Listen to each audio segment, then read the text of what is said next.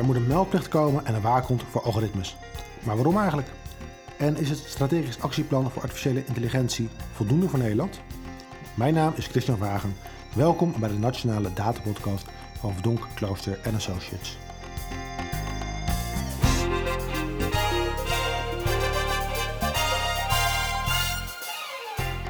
Welkom bij de Nationale Data Podcast. De podcast met inspirerende gasten en inzichten over het gebruik van data, algoritmes en artificial intelligence in de publieke sector. Mijn naam is Christian Vragen en mijn gast vandaag is Kees Verhoeven, Tweede Kamerlid voor D66 en ik denk ook wel een van de meest actieve Kamerleden als het gaat om data en technologie. Welkom. Dank. Um, nu hebben we het in deze podcast vaak over algoritmes. Ja. Um, en dat is een, nou, iets wat, wat regelmatig terugkomt, ook in de politiek, zeker in de actualiteit, ook deze weken. En nu heeft u recent in de Kamer bepleit dat er een meldplicht zou moeten komen en ook een waakhond voor algoritmes. Waarop gaat die waakhond uh, toezicht houden? Wat, en wat is, beoogt u met zo'n waakhond en zo'n meldplicht? Ja. Um, vooropgesteld natuurlijk dat algoritmes uh, op allerlei terreinen uh, binnen en buiten de overheid gebruikt worden en dat er ook heel veel kansen en mogelijkheden in zitten. En, en, dat dat ook absoluut zo is dat de overheid moet, moet gebruik maken van, van technologieën die de dienstverlening verbeteren. zie ik toch ook een aantal risico's. En het, het risico wat ik wil ondervangen met die, met die meldplicht is eigenlijk dat elke gemeente, elke provincie, elke uitvoeringsinstantie op de een of andere manier aan het kijken is: goh kunnen wij nou kunstmatige intelligentie en algoritmes gebruiken om onze processen te verbeteren of om onze besluitvorming te verbeteren?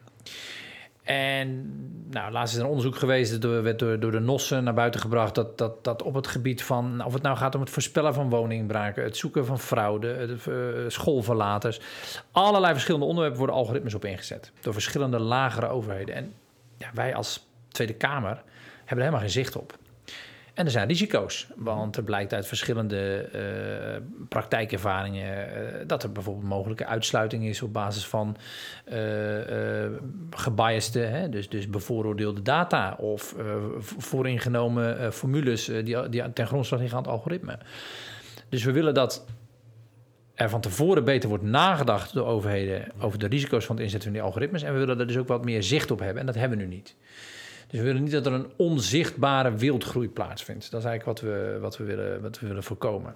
Beoogt ook met zo'n toezichthouder en zo'n meldplicht tot wanneer een algoritme wordt aangemeld door een, door een overheid, tot de toezichthouder daarop gaat, gaat toetsen om te kijken of hij voldoet aan wet en regelgeving of misschien andere criteria? Dat is een beetje de tweede stap. Hè? Dus, dus, dus uh, naast weten wat voor verschillende algoritmen en besluitvorming er allemaal is, zou ik inderdaad op een gegeven moment ook willen dat we hebben het gezien in Rotterdam, twee wijken. Daar werd een, eh, een, een, eh, een groot automatisch besluitvormingssysteem Siri gebruikt. En dat leidde tot aan de ene kant uh, het inzicht dat het eigenlijk niet veel opleverde qua efficiëntie en, uh, en, en, en, en, en, doelstelling. Maar wel een serieus risico was op het gebied van discriminatie omdat die algoritmes gebaseerd zijn op een aantal uh, aspecten. Uh, uh, die bij elkaar opgeteld leiden tot een soort van voorspelling over individuen waarvan die voorspelling helemaal niet klopt. Nee. Toen werd gezegd van dan moet, dan moet je daarmee stoppen. Nou, dat gebeurde nu door maatschappelijke druk en maatschappelijke ophef. Maar ik zou liever zien dat een waakhond ook kan zeggen: joh, misschien is het überhaupt niet verstandig om hier een algoritme te gebruiken. Doe je het wel, leg het dan beter uit. Uitlegbaarheid. Mhm. En als er een fout gemaakt wordt, of als er een uitkomst is die aangevochten moet worden, omdat een persoon zegt: ja, maar luister eens eventjes, ik heb dit helemaal niet gedaan, of dit speelt helemaal niet. Dan moet hij niet uh, nergens terecht kunnen. Maar dan moet hij echt, ook echt omkeerbaarheid kunnen afdwingen. Dus dat het bij wijze van spreken het besluit kan worden teruggedraaid. Nou, en dat zou zo'n waakhond moet, moeten mogelijk maken. Want ja, er is nu eigenlijk geen plek waar dat, waar dat gebeurt. Ja, behalve misschien de rechter uh, of, of de Tweede Kamer. Uh, maar, maar, maar je wil eigenlijk meer dat, dat, dat, dat er een waakhond is die gaat nadenken over de vraag van... is dit, een, is dit algoritme wat nu toegepast wordt, is dat eerlijk en rechtvaardig? Ja, nou Siri natuurlijk een heel mooi voorbeeld. En daar is ook geconstateerd in Rotterdam, we hebben eigenlijk te weinig vertrouwen. We weten niet zeker genoeg of dat het algoritme we hier gebruiken ook voldoet aan de privacywetgeving bijvoorbeeld. Nu, ja. De zaak is ook nog onder rechter. Meer dan privacy overigens, zeg ik er altijd bij. Het gaat ook echt over autonomie en rechtvaardigheid, maar uh, gelijke behandeling, daar gaat het ook om. En nou, u geeft ook aan de rechter zou er licht een, een uitspraak over moeten doen. Nou, ik zeg, de zaak is ook onder de rechter op dit moment. Ja. Maar is er dan voldoende nu ook aan wet en regelgeving om te, ja, het algoritmes te kunnen toetsen? Bijvoorbeeld de AVG? De AVG is, is, is een van de kaders die ik, uh, ik, ik, ik, twitter wel eens over mijn werk en dan uh, krijg ik altijd allemaal mensen die veel verstand hebben van dit onderwerp. zeggen, ja, maar Kees, er is al een toezicht en uh, houder, dat is dan namelijk de autoriteit persoonsgegevens, en er zal ook al een, een, een wettelijk kader, dat is de AVG. Ja, dan zeg ik ja en nee. Deels klopt dat, maar voor heel veel vraagstukken op basis van data en algoritmes is het toch niet helder hoe het zit.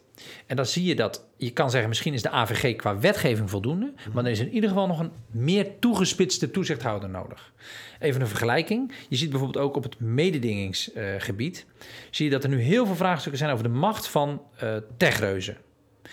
En zegt iedereen, maar er is al een mededingingswet, dus dat is toch geregeld? Maar dan zie je dat er een scherpe toezichthouder nodig is om in de praktijk te kunnen zeggen: nu ga je te ver met je machtsmisbruik. Nou, dat wil ik ook voor algoritmegebruik. Dat je zegt van nou weet je, er is natuurlijk wel wetgeving in de AVG. Dat gaat vooral over privacybescherming persoonsgegevens. Het gaat overigens ook wel voor een deel over het verliezen van autonomie door data. Dus de AVG is een brede wet, maar er is een sterke toezichthouder nodig om dan vervolgens de toepassing van die AVG op algoritmes goed te laten plaatsvinden. En nu heeft die, die die heeft daar een rol in om dat te gaan toetsen uiteindelijk, maar ook denk ik om een stuk bewustwording te krijgen. Absoluut. Hè? Want algoritmes die zijn niet altijd neutraal. Uh, wees, wees, daar bewust van. Zeker. Um, in hoeverre vindt u dat die bewustwording ook binnen de politiek is? Groeiend. Maar dat iets groeit wil nog niet zeggen dat het al volwassen is. Mm dus uh, het, het, het neemt langzaam toe. Uh, er zijn verschillende fracties in de Kamer en ook wel uh, een aantal ministers, bijvoorbeeld de minister van, uh, van Rechtsbescherming. maar ook de, de, staatssecretaris en minister van Binnenlandse Zaken, die hebben nu wel oog voor dit vraagstuk. Mm -hmm. Dat was een, een, jaar of twee geleden nog niet echt zo. Verschillende Kamerfracties zijn ermee bezig. Er zijn nu verschillende moties aangenomen die toch gaan over de ethische kant van het gebruik van algoritmes. Mm -hmm. Dus er, er komt meer oog voor. Maar er is ook nog wel een gebrek aan kennis. Uh, en ik zeg er ook altijd gelijk bij, want ik, ik mag ook wel eens in een zaaltje optreden en zeggen: Ja, weet je wel. Ik, ik weet ook niet precies hoe uh, machine learning exact werkt. Ik weet alleen wel dat hele bakken data worden gebruikt om steeds betere beslissingen door algoritmes uh, te maken, doordat het algoritme zichzelf gaat trainen. Dus ik ken het principe wel en kan dus ook een aantal gedachten over vormen die te maken hebben met de maatschappelijke gevolgen. Mm -hmm. Maar ik ben geen techneut. Maar er moet wel kennis zijn van de maatschappelijke impact en de basiswerking van de technologie. Uh, en ik heb het gevoel dat dat nog wel iets beter kan in de Kamer. U bent daarover actief in de Kamer, ja. uh, mede initiatiefnemer ook van de tijdelijke Kamercommissie Digitale ja. Toekomst, om ook grip te houden op dit soort ja. uh, digitale ontwikkelingen, technologische ontwikkelingen. Uh, daarmee ook veel aandacht voor AI, artificiële intelligentie. Zeker ook recent met het kabinet, die het strategisch actieplan voor artificiële intelligentie heeft gepresenteerd onlangs. wat, wat vindt u van het plan? Wat vindt u van het actieplan? Uh, ik, ben, ik, ik ben een beetje teleurgesteld. Uh, kunstmatige intelligentie. Algoritmes is daar natuurlijk ja. absoluut een, een, een zeer prominent uh, onderdeel van. Maar dit kunstmatige intelligentie in den brede is echt een, een, een, een... Ze noemen dat dan niet eens een sleuteltechnologie... maar ze noemen dat dan zelfs een enabling technology. Oftewel een, een technologie die eigenlijk weer specifiekere technologieën uh, daar da, eigenlijk ook weer mogelijk maakt of verder brengt. Dus je zou kunnen zeggen bijvoorbeeld gezichtsherkenning, uh, uh, automatische besluitvorming. Er zijn allerlei varianten, maar de, de, brede technologie is kunstmatige intelligentie. En dat is een van de grote technologieën van deze tijd. En men vergelijkt het ook wel met bijvoorbeeld elektriciteit. Dan heb je het echt over een, een wereldveranderende technologie. Nou, ik vind dat Nederland in die veranderende wereld altijd heel succesvol is geweest in, in, in inspelen op de, op de verschuiving van de verhoudingen tussen blokken en landen en, en, en, en machten in de wereld. Door voorop te lopen. Dus ik wil dat Nederland voorop loopt in kunstmatige intelligentie. En dat dreigen we nu niet te doen. We hebben goede wetenschappers en we hebben goede bedrijven die toepassen. Er is een coalitie van uh, tegenwoordig al meer dan 70 uh, spelers die, die allemaal wel bezig zijn. Maar je hebt een krachtige overheid nodig die ervoor zorgt dat al die verschillende initiatieven en al die verschillende geldstromen en al die verschillende onderzoekers, dat die bij elkaar een soort van Nederlandse strategie kunstmatige intelligentie hebben. Waarmee wij op onze schaal, want we hebben geen miljarden uh, of miljoen, honderden miljoenen bevolking zoals de China en de Verenigde Staten. Mm -hmm. Maar dat we op ons schaalniveau op de Nederlandse manier wel weer een koploperspositie kunnen hebben op het gebied van kunstmatige intelligentie. Wat is daarvoor nodig? Twee dingen. Stimuleren waar mogelijk, met geld. Concreet, hard, nieuw geld. Dat zit niet in dat plan. En twee, waar nodig ook grenzen. Want Europa en Nederland hebben ook een kracht in de wereld door bepaalde waarden te respecteren. Daar hadden we het net al een beetje over.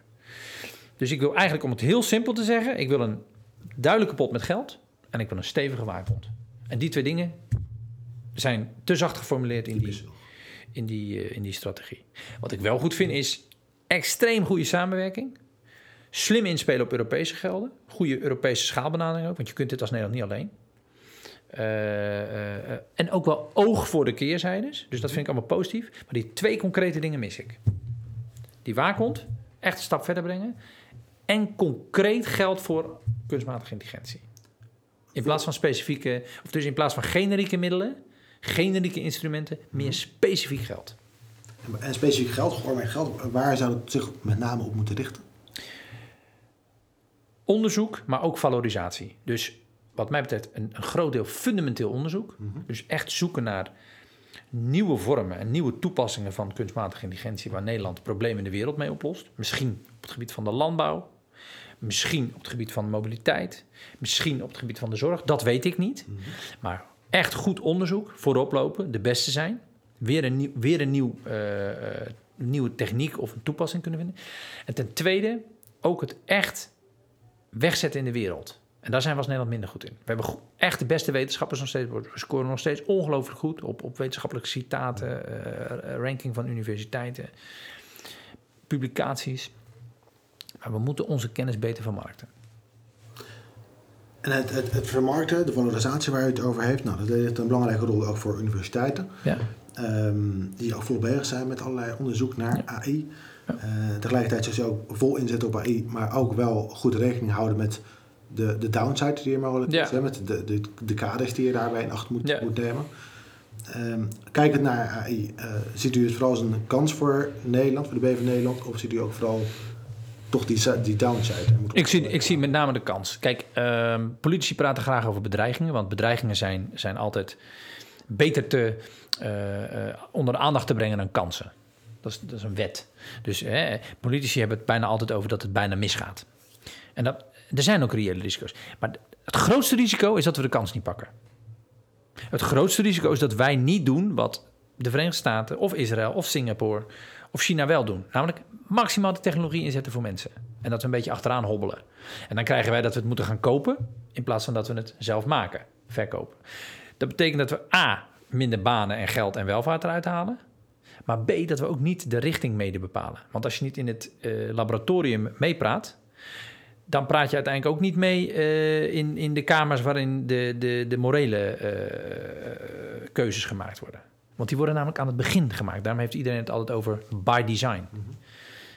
Dus Nederland moet niet alleen maar denken van we moeten een, een, een, een slimme verkoper van oplossingen in de wereld zijn. Maar we moeten ook een, een, een, een, een, organisatie of, een, of een, ja, een, een, een land zijn of een, eh, of, een, of een blok in de wereld zijn die ook meepraat over de standaarden en de richting geeft aan een technologie. Dus we moeten een land zijn of een blok in de wereld. Hè, dat is ook interessant. We zeggen vaak als Nederland dat we nog eh, achterlopen. Nou, volgens mij doen we het best goed. Zeker als je naar het kijken naar de rankings van universiteiten bijvoorbeeld. Eh, tegelijkertijd zijn wij relatief klein misschien wel. Zouden wij dit meer vanuit Europa moeten oppakken? Ja, dat is onvermijdelijk. Dat vind ik ook wel goed aan de, aan de strategie die nu gelanceerd is. Daar zit een duidelijk Europese component in. En ik ben lid van een partij die altijd wel redelijk pro-Europees denkt. En ook in het Europese schaalniveau denkt. Maar wat ik goed vind, en daarom noem ik het ook steeds, eh, aan deze strategie, is dat er duidelijk eh, oog is voor het feit dat we ook een aantal dingen op Europees niveau zullen moeten afdwingen. Omdat we met, met Nederland eh, kunnen, we, kunnen we veel, maar we, we worden in de wereld vooral gehoord als Europese markt van honderden miljoenen eh, eh, eh, rijke consumenten die, onze, die producten afnemen van spelers. En als die producten niet voldoen aan onze waarden, zullen ze niet gekocht worden. En dat heeft, dat heeft Facebook en Google en misschien ook Alibaba en Tencent nog, wel, nog wel een extra motivatie gegeven om ook naar Europa te luisteren. Maar dan moeten we dat wel afdwingen. En dat kunnen we alleen doen als we ons, onze vuist ballen en niet versnipperd onze vinger opsteken. Dank, dank voor uw toelichting. Nu, nu gaan we richting het einde van de podcast. Ja. En vaak sluiten we de podcast af met de vraag van wie zouden we nou ook in de volgende podcast moeten uitnodigen. En Ja. toch ook graag van deze gelegenheid gebruik maken om die vraag ook aan u te stellen nu. Ja, ik, ik, ik, ik, ik zou het dan inderdaad echt bij, bij, bij algoritmes uh, en, en, en, en, en, en data zoeken. En dan denk ik als eerste denk ik aan uh, Marleen Sticker. Uh, zij is van de Waag Society en zij is wel echt een kritische uh, volger van alles wat met, met deze technologie te maken heeft. Maar ik denk dat dat wel heel aardig kan zijn. Ongelooflijk uh, scherp op, op, op, op de downside, om het zo maar even te zeggen. Mm -hmm. En als tweede zou je ook nog aan Katelijne Muller kunnen denken. zij heeft niet heel lang geleden Ally opgericht. Dat is een platform uh, voor, voor artificial intelligence. En zij heeft ook uh, de High Level Expert Group van de Europese Unie over algoritmes geleid. Die hebben een advies over de, de morele kaders en waarden en, en rechten uh, geschreven. Maar, maar zij ziet ook wel ongelooflijk veel kansen in algoritmes en kunstmatige intelligentie. Dus dat zijn twee, twee namen die ik zou noemen. Dank, dank voor die suggestie. Um, ik, hoop, ik hoop dat ze bereid zijn om tijd te maken voor jullie. Ik, ik hoop het ook, maar dat, daar gaat dit zeker bij, zeker bij helpen. Dank voor dit verhaal en dank toch dat je te gast mocht zijn vandaag in de Tweede Kamer. Graag gedaan.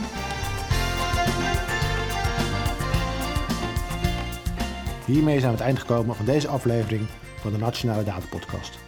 Wilt u reageren of een onderwerp aandragen? Stuur dan een mail aan data.vka.nl. Bedankt voor het luisteren, abonneren of terugluisteren van deze aflevering of alle andere afleveringen van de Nationale Data Podcast kan via iTunes, Spotify of je favoriete podcast app. Tot een volgende keer.